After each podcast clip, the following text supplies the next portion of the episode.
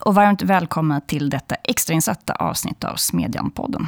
Jag heter Karin Svanberg-Sjövall och idag ska jag och Maria Eriksson prata med kollegan Tobias Samuelsson om ett grävjobb som släpps idag på Smedjan om Hyresgästföreningen, kommunal korporativism och om mannen som bestämde sig för att utmana systemet. Ni kan aldrig ana vad som hände sen. Och det behöver ni faktiskt inte heller, för det ska artikelförfattaren Tobias Samuelsson redogöra för i detta nu. Välkommen till podden Tobias. Tack så mycket. Du, historien som du skriver om börjar 2018 i Trollhättan. Vad var det egentligen som hände? Det här handlar om en av de boende i Trollhättan som heter Shor Shali. Han bor i det här allmännyttiga bostadsbolaget Eidar. Eh, och det som händer är att han gör det som han absolut inte får göra och som jag inte tror att någon egentligen har lyckats med och det är att starta, starta en konkurrerande hyresgästorganisation. Ja, för Hyresgästföreningen har ju en väldigt dominerande roll på den svenska hyresmarknaden. Hur många medlemmar har de egentligen i, i hela Sverige? Alltså, Hyresgästföreningen har ju över en halv miljon medlemmar, men man förhandlar ju hyrorna för 90 procent av alla hyreshushåll i Sverige. Eh, så man har ju en väldigt dominerande position. Okej, men vad var den utlösande faktorn då? Hur kommer det sig att han bestämmer sig för att ge sig på det här vansinniga företaget? Ja, men som du nämnde så började det här eh, under 2018 i Trollhättan. Trollhättan är ju som många andra kommuner eh, där allmännyttan inte har gjort de här nödvändiga renoveringarna. Eh, och ett sådant område är Stensmedjan i centrala Trollhättan som byggdes på 1950-talet. Men utöver löpande underhåll så har man sedan dess inte gjort några av de här större renoveringarna. Så till exempel de mindre lägenheterna har fortfarande inte dusch i källaren. Så det man meddelar är att man ska, göra, man ska totalrenovera alla lägenheter i de här fastigheterna, vilket blir dyrt såklart. 30 procent vill man höja hyrorna med.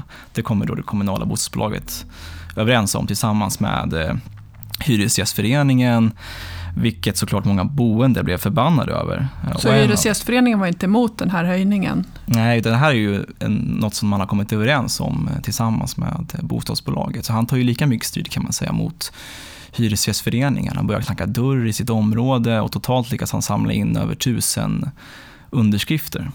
Eh, och det som händer är att alltså, tidningar skriver om det här, lokal-tv rapporterar om det. Så att styrelsen i bostadsbolaget bestämmer sig för att eh, dra tillbaka den här höjningen, eller i alla fall delvis. Eh, så istället för 30 procent så blir det en 20-procentig höjning. Kännbart även det, men ändå bättre. Ja, exakt. Och efter det här, det är efter det här han får mer smak och tänker att han kan göra något mer av den här verksamheten. Och det är då han startar den här egna hyresgästorganisationen. Utifrån då den kampanj som han har drivit, så att säga. Ja, precis. Han kallar det här ett hem för alla, så man har också en Facebookgrupp då med massa medlemmar i. Eh, så man kan säga att det är ett nätverk eh, som han tänker att nu, nu vill jag förhandla mina egna hyror i det här området. För, för han och de andra som ingick i det här, de kände inte riktigt att Hyresgästföreningen hade företrätt deras intressen? Nej, men dels inte i den här hyresförhandlingen såklart, men Eh, för George Ali så handlar det här också om, av politiska skäl. Han säger själv att han inte är socialdemokrat och han tycker att det är en, en organisation som driver socialdemokratisk politik. Alltså det som han ville göra var att han ville samla alla eh, hyresgäster oavsett eh, politisk mm, bakgrund och sådär. Men en kontrollfråga då, är det här en, en, en liksom arg moderat som går till storms mot Hyresgästföreningen av så att säga, politiska skäl? Ja, det skulle man ju kunna, kunna tro. Det är så mycket roligt i det här också att eftersom han pratar, med, han pratar med alla partier. Så till exempel Moderaterna föreslår ännu lägre hyreshöjningar än vad eh, de andra partierna gör i den här eh, kommunen. Men själv så beskriver han sig som vänster om Socialdemokraterna. Men eh, sen har han hittat alltså, gemensamma frågor med, med flera partier egentligen. Okej, så nu har han dragit igång sin kampanj. De ska ha ett medlemsmöte han behöver en lokal. Vad händer? Ja, det finns ju gemensamma kvarterslokaler att låna eh, där han bor. Och de här ska ju alla som bor i allmännyttan ha möjlighet att, att låna. Så det han gör är att han tar upp telefonen eh, och ringer, men kontakten är ju från Hyresgästföreningen som har ansvar för de här lokalerna. Så under två års tid så har inte han lyckats låna någon lokal för att hålla sina medlemsmöten. Två år?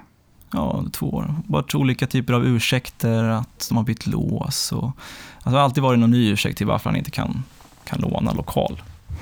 Och är det här det enda motståndet han stöter på? Då? Eller är det, är det liksom fler saker som, som uppdagas när han väl bestämmer sig för att utmana det här intresset? Nej, men en av de stora grejerna är just det här kring eh, hyresförhandlingarna. Kan man, och frågan är ju då, kan man förhandla hyran själv? Han får ju som svar eh, i flera sammanhang att det, är inte, det går inte att förhandla hyran själv. Det visar sig väl sen i efterhand inte riktigt stämma och när jag har pratat med bostadsbolaget så erkänner man ju att det finns en sån möjlighet att alla hyresgäster måste ha den möjligheten att få förhandla sin egen hyra om man skulle vilja det. Det finns en så kallad förhandlingsklausul i alla avtal som man har rätt att, eh, att säga upp. Men det är inte riktigt det besked han får. För som jag förstod det hela så var ju Shorshali inte sådär dundersugen på att betala den här avgiften som eh, hyresgäster behöver betala för att bli företrädda av Hyresgästföreningen av lätt insedda skäl. Nej, de förklarar ju att det här är en obligatorisk avgift som alla hyresgäster måste betala oavsett om de är medlemmar i Hyresgästföreningen eller inte.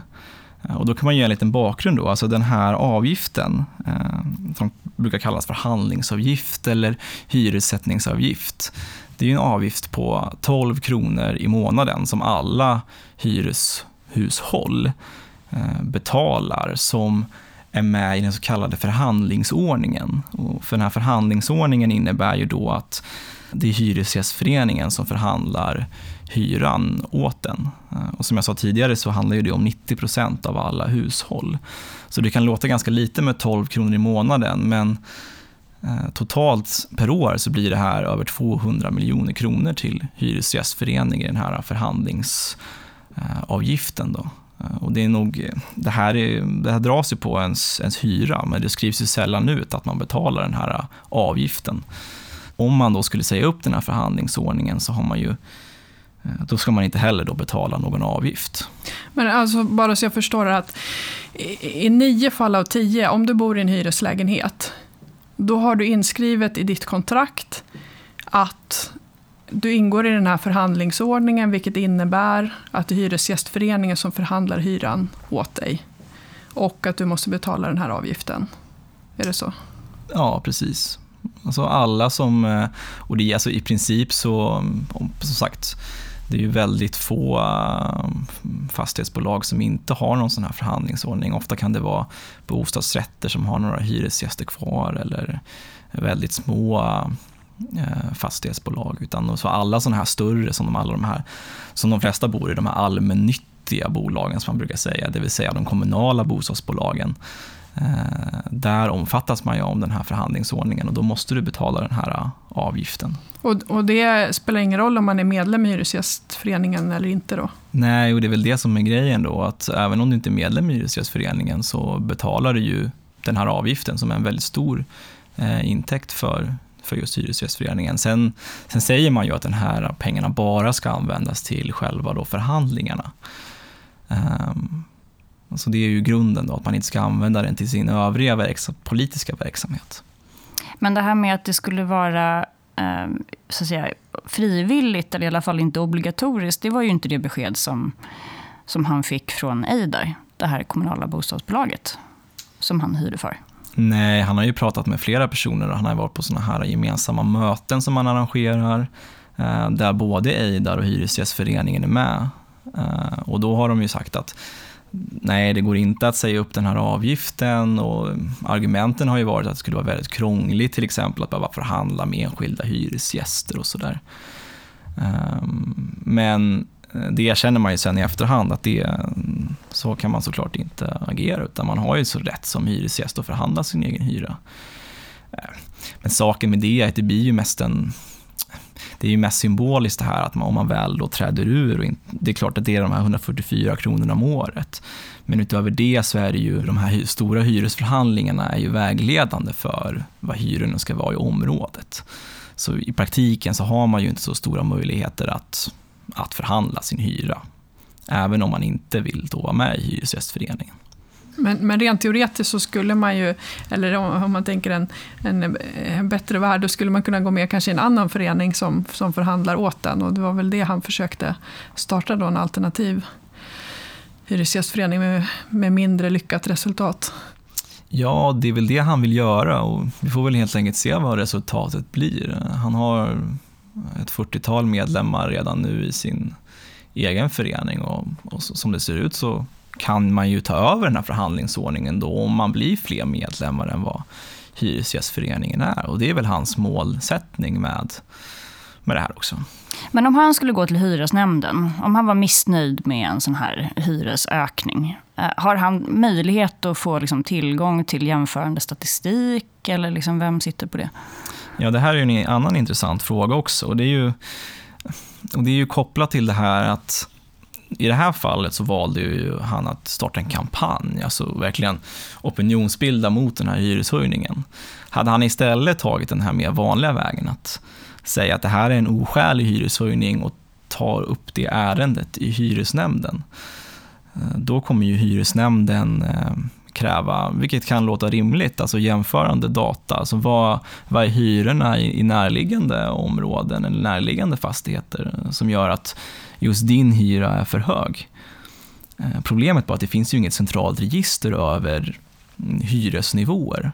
Utan de som vet det är ju de här enskilda fastighetsägarna och Hyresgästföreningen som förhandlar hyran. Eh, så att du kan ju få veta det här och få hjälp med det här om du skulle då till exempel välja att bli medlem i Hyresgästföreningen. Eh, men då ska man alltså bli medlem i den organisation som man anser har förhandlat fram en oskälig hyra.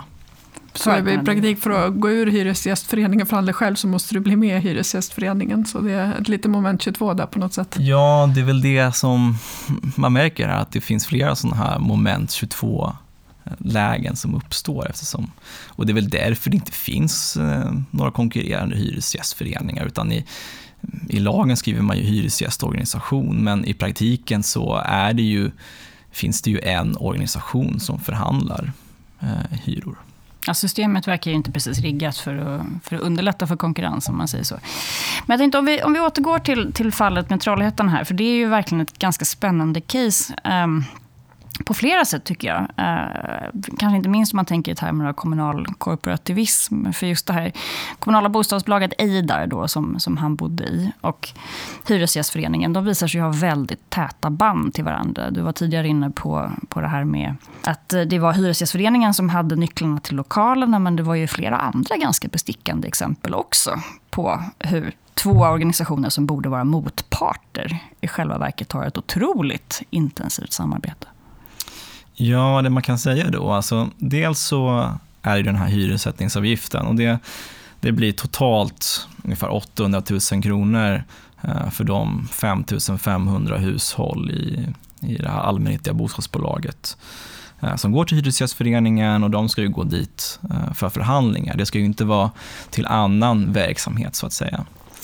Men som det ser ut i det här fallet så har ju då det allmännyttiga bolaget Eh, vad de kallar bostadssocial verksamhet. Det kan ju vara rimligt, det är ju eh, flera utsatta områden som man har, mm, som man har fastigheter i.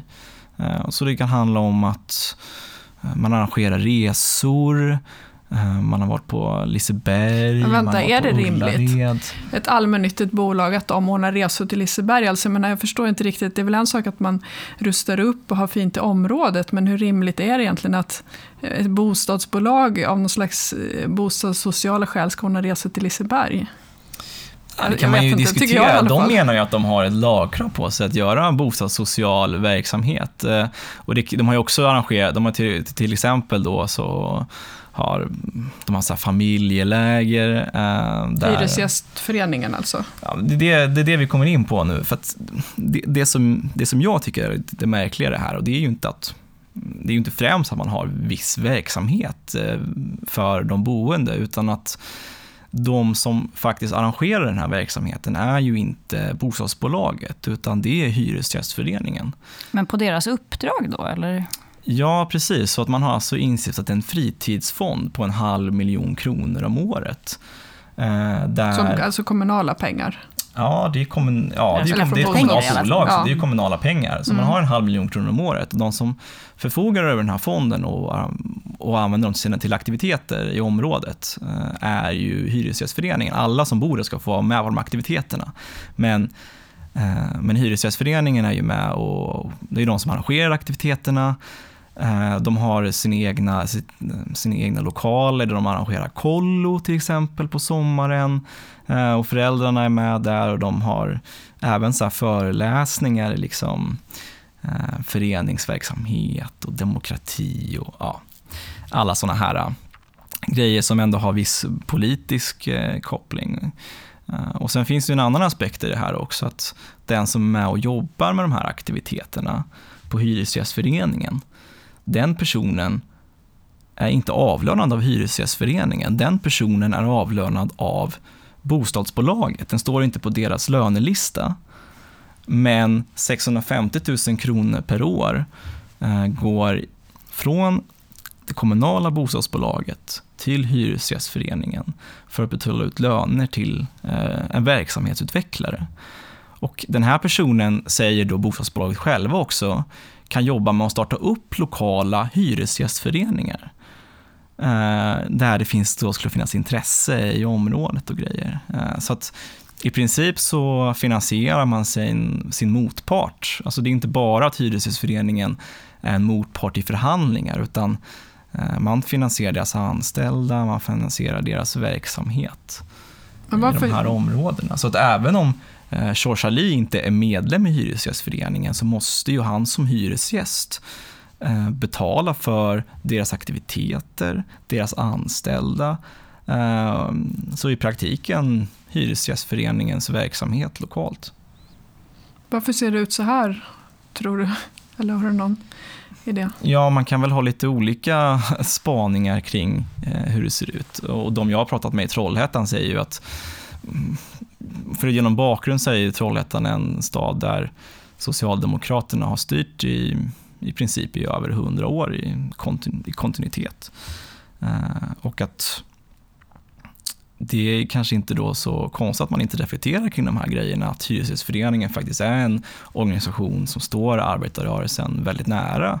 Eh, både att man är medlemmar i ABF till exempel, eller Palmecentret och sådana här organisationer, men också politiskt såklart. Alltså, Hyresgästföreningen har ju en politisk agenda som man är helt öppen med och det är ju till exempel att eh, man ska stoppa fri hyressättning i lägenheter, att man ska eh, öka bostadsbidrag, man vill ha högre bostads, återinföra bostadssubventioner och så vidare. Så att det här är ju en tydlig politisk organisation eh, som driver socialdemokratisk politik. Så De, skri- de skriver till och med om sån politik på hemsidan. Det är ganska, många organisationer, intresseorganisationer har ju flikar som heter vi driver eller vi tycker att eller så där. Här står det vår politik. De har till och med en egen flik om regeringsbildningen. Ehm, så att, för att vara, de har väl i aldrig sagt att de är opolitiska. Ehm, och man kan väl diskutera den partipolitiska kopplingen. Men bara en ren okulär besiktning på hemsidan eh, liksom, tyder ju rätt mycket på att det är en, en politisk organisation på ett eller annat sätt. Och det har väl funnits andra kommuner eller andra exempel där, där frågan om, om, om det här är en politiserad organisation har kommit upp. Malmö exempelvis. Ja, om man tar Malmö till exempel så eh, har det ju kommit upp den här frågan kring försörjningsstödet. Alltså vad ska... Eh, det är ju så att det finns en grund i försörjningsstödet men utöver den grunden så kan man till exempel få betalt för medlemsavgift i fackföreningar och a-kassa och sådär. Ehm, men i till exempel Malmö och vissa andra kommuner så kan man också få det för medlemskap i Hyresgästföreningen. Ehm, så det finns ju sådana också skillnader där mellan, ehm, alltså då mellan, eller beroende på vilken politisk inriktning en, en kommun har. Ja, men för, jag tänker liksom det i sig skulle ju kanske inte vara så eh, märkligt eller problematiskt om det inte vore för att Hyresgästföreningen är en väldigt ändå politiserad organisation får man väl säga. Eh, för liksom rent, rent officiellt så är man väl partipolitiskt obunda. Men man har ju ändå en politisk agenda som ni är inne på.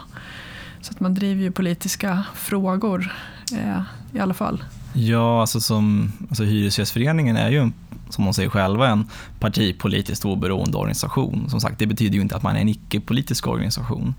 Eh, och det man väl egentligen har försökt gjort, i alla fall eh, senaste decenniet och sådär, det är ju att försöka frånkoppla sig allt mer. Men alltså det handlar ju mer om, om retorik än praktik som sagt. Man är ju med i arbetarrörelsens bildningsförbund, man är med i arbetarrörelsens internationella arbete, Palmecentret. Alltså den nuvarande ordföranden eh, lämnade en post som kommunikationschef på LO. Eh, ordföranden före det var riksdagsledamot för Socialdemokraterna. Ehm, om man kollar på förtroendeposter ute i landet så eh, är det ju väldigt många som har någon form av partiuppdrag i Socialdemokraterna. Och det är väldigt få, svårt att hitta ehm, ska säga, folk med förtroendeuppdrag i andra partier. Och då är det ju längre vänsterut i så fall. Och det är ju också intressant för det är ju ett argument som eh, man mer och mer använder då, säger att man är frånkopplade socialdemokratin, eh, vilket man till exempel nu har gjort med, med januariavtalet, är ju att man, man riktar kampanj mot Socialdemokraterna. Men det man säger är ju att Socialdemokraterna står inte upp för socialdemokratisk politik längre när man till exempel vill ha fri hyressättning i, i nyproduktion och sådär. Men jag tänker apropå Malmö, att det kanske inte är någon slump att det är Malmö och Trollhättan som vi pratar om här. Att, att risken för att man ser en sån här sammanblandning mellan parter, sammanblandning mellan roller otydliga ansvarsförhållanden ändå rimligtvis också är större på orter där man har haft ett långvarigt socialdemokratiskt maktinnehav.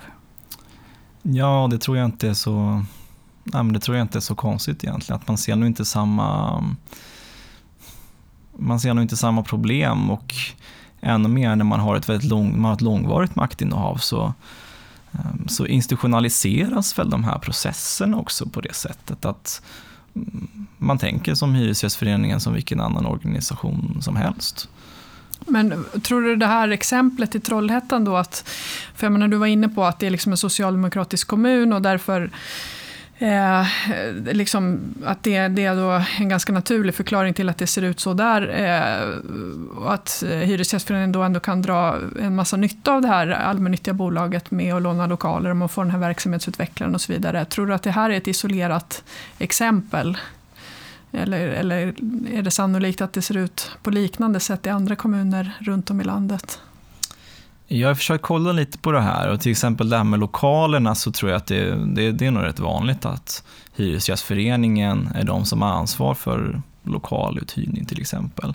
Eh, men det ser man ju i det här fallet att de har ju dragit nytta av det. Han får inte låna lokal, eh, som han säger. Eh, men också, man har ju också nytta i andra fall då, för att hade man hyrt ut de här lokalerna istället så hade man enligt bostadsbolaget själva kunnat fått in 700 000 per år ungefär. Um, Om man inte haft råd att renovera sina lägenheter så att folk inte ens haft eget badrum så kan man ju lite grann ifrågasätta om man inte hade varit, borde ha varit lite mer intresserade av, ja, av intäkter. Ja, det kan man ju, eh, det kan man ju tycka. Eh, men också så här, eh, de här kolloverksamheten till exempel, det är ju flera kommuner där allmännyttiga bolag just använder Hyresgästföreningen för att göra sådana här, det man kallar bostadssociala grejer. Och, och det finns ju andra exempel också från socialdemokratiska kommuner Eh, som har haft ett väldigt långvarigt socialdemokratiskt eh, maktinnehav där eh, man har gjort det här i andra delar av sina verksamheter. Till exempel Bålänge hade eh, upphandlade kollo i kommunen eh, hos Unga Örnar. Eh, så det är ju ja, liknande exempel. Det är liksom där man ska fostras in i arbetarrörelsen. Från unga örnar till Fonus brukar man ju säga att liksom arbetarrörelsen täcker in hela, hela livet ungefär. Och från det att du är ung så ska du eh, ja, fostras in i, i det här. ja, sätt. då kan man ju säga att man överdriver. Att det, alltså, det är klart, det är ju mest, eh, det är ju mest kolloverksamhet eh, som de har. Men det handlar ju också någonstans om att man utbildar ungdomsledare och så man, man dras ju in i den här verksamheten. Um, och det tycker jag, de får ju arrangera hur mycket kolloverksamhet de vill. Eller liksom, uh, och, och, föräldrar får skicka sina barn på, på kollo. Men problemet blir ju när det här är ju, det är offentlig verksamhet som gör det här. Det är ju inte... Ja, det är ju skattemedel. Det är skattemedel, det är kommunala bostadsbolag som gör det. Och det är ju en annan grej också med de här, äh, äh, med de här hyressättningsavgifterna. Alltså så problemet är ju inte att Hyresgästföreningen har äh, medlemmar. En stor del av de strax över 800 miljoner kronor som man har varje år kommer ju från medlemsavgifter. Problemet är ju just att en fjärdedel kommer från de här avgifterna som i princip alla betalar utan att veta om det. Men, men de som lyssnar på det här nu och tänker men jag vill inte betala de här 12 kronorna i månaden om inte annat av princip. Vad, vad ska man göra då? Ja, och det, är ju här, det här är en av grejer jag verkligen har försökt kolla upp. Eh, och det som gäller, som jag förstår, är att om man flyttar in i en ny hyresrätt så är det först en period på tre månader då man inte kan säga upp den här avgiften. Eh, men efter tre månader om man då har en sån här förhandlingsklausul som det kallas i sitt avtal, eh, att man är med i att Hyresgästföreningen ska förhandla hyran åt den, då kan man kontakta sin, eh, sin hyresvärd och säga att jag vill, inte, jag, vill, jag vill inte ha den här eh, klausulen i mitt avtal. Det som hyresvärden ska göra då, det är att man ska skriva om kontraktet och man ska också ändra justera hyresnivån eh, med 12 kronor mindre då varje, varje månad. Så det är ju en väldigt konkret grej som man kan göra om man inte vill betala de 144 kronorna per år till Hyresgästföreningen. Sista frågan då. Blir det någon uppföljning på det här reportaget eller har vi uttömt ämnet? Nej, men jag hoppas ju få in flera mm, exempel från andra kommuner när jag, när jag kommit ut med det här. Eh, men det kommer ju också en uppföljande granskning just av de här försörjningsstöden och hur det ser ut i olika kommuner. Om används försörjningsstödet till att betala medlemsavgifter eller gör det inte det? Varmt tack till dig, dig, Tobias för att du kom hit idag. Om någon av er som lyssnar eller som läser artikeln har några egna exempel som kan vara av intresse för oss, så skicka hemskt gärna in dem till Tobias Samuelsson som finns på Timbros hemsida. Där hittar ni också Smedjan på www.timbro.se smedjan där hela reportaget ligger i sin helhet. Varmt tack till er som lyssnar och som läser.